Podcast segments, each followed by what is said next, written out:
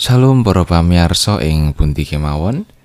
Mugi-mugi kita sedaya tansah wonten ing kawontenan ingkang sehat, boten kirang setunggal menapa. Kebak ing tentrem rahayu saking Gusti Allah Rama kita. Wilujeng miyarsakaken sabda winedar. Renungan patintenan basa Jawi.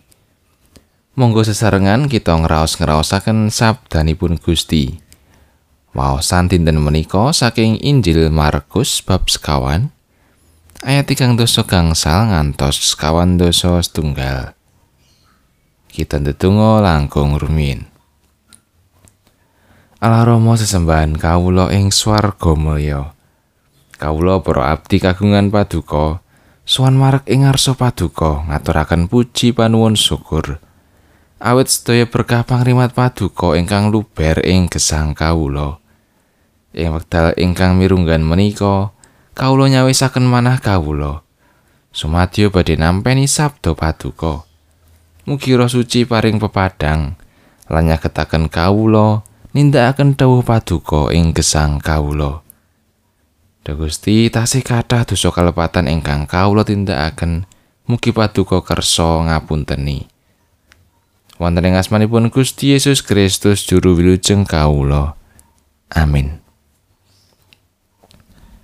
Markus bab sekawan ayat tigang dosa gangsal ngantos kawan dosa setunggal. Ing dina iku bareng wis sore Gusti Yesus ngendika marang para sakabate ayo padha menyang sabrang. Banjur padha ninggal wong akeh mau lan mangkat nderekake Gusti Yesus kang wis nitih prau bebarengan karo prau-prau liyane. Tumuli ana prahara gedhe lan ombyake ngempyok-ngempyok tumiba ing sajroning prau. Nganti praune meh kebak banyu. Dene Gusti Yesus ana ing buritan lagi sare ngagem kacang sirah. Banjur diwungu dening para sakabat unjuke guru menapa paduka mboten galih bilih kawula sami badhe tiwas. Panjenengane banjur wungu angine ditukani lan ngendika marang segara menengo lan dadya anteng. Angine nuli mendo lan segerane dadi anteng maneh. Banjur ngendika marang para sakabate, "Ya kene kowe padha wedi mengkono, ya kene kowe ora padha pracaya." Wong-wong mau padha dadi wedi banget lan padha guneman. Sopo to panjenengane iku? Dene delasan angin lan segara kok iya padha ngestokake dawuhe. Makatan pun Gusti ayat nat saking ayat songo ligur Panjerengane banjur wungu angine ditukani lan ngandika marang segara menengo lan dadi anteng. Angine nuli mendolan segarane dadi anteng maneh. Menapa ingkang wonten ing manah kita nalika maos bab Gusti Yesus ingkang kuwaos nyirep prahara pakaryanipun Gusti Yesus menika saestu ngeram-eramaken. Panjenenganipun boten namung kuwaos nyarasaken tiang sakit lan nundung demit, ananging ugi kuwaos ngendhaleni alam, kalebet angin lan seganten. Nalika ngendika menengo lan dadi anteng, sedaya ingkang wonten ing jagat menika lajeng manut kalian dawuhipun.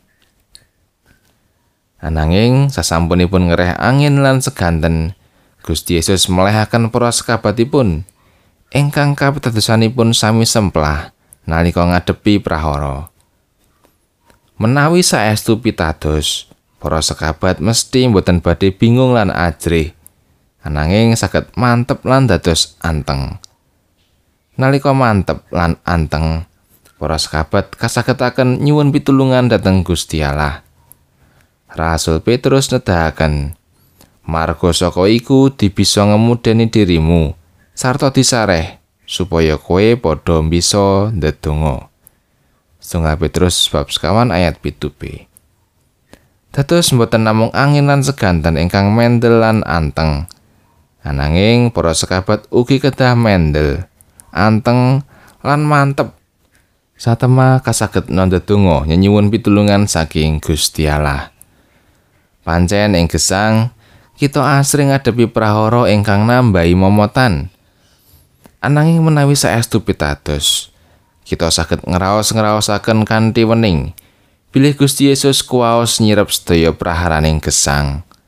Kanthi wening ing manah, kita badhe saged ndedonga nyuwun sih piulasipun Gusti Allah.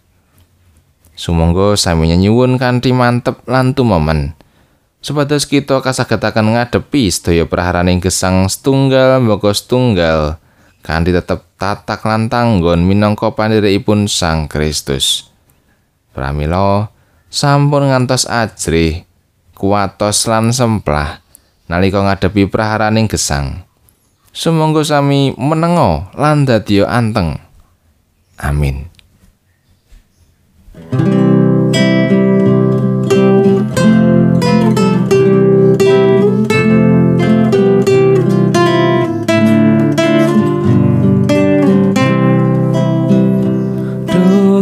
Gusti mugi ngirit lampahing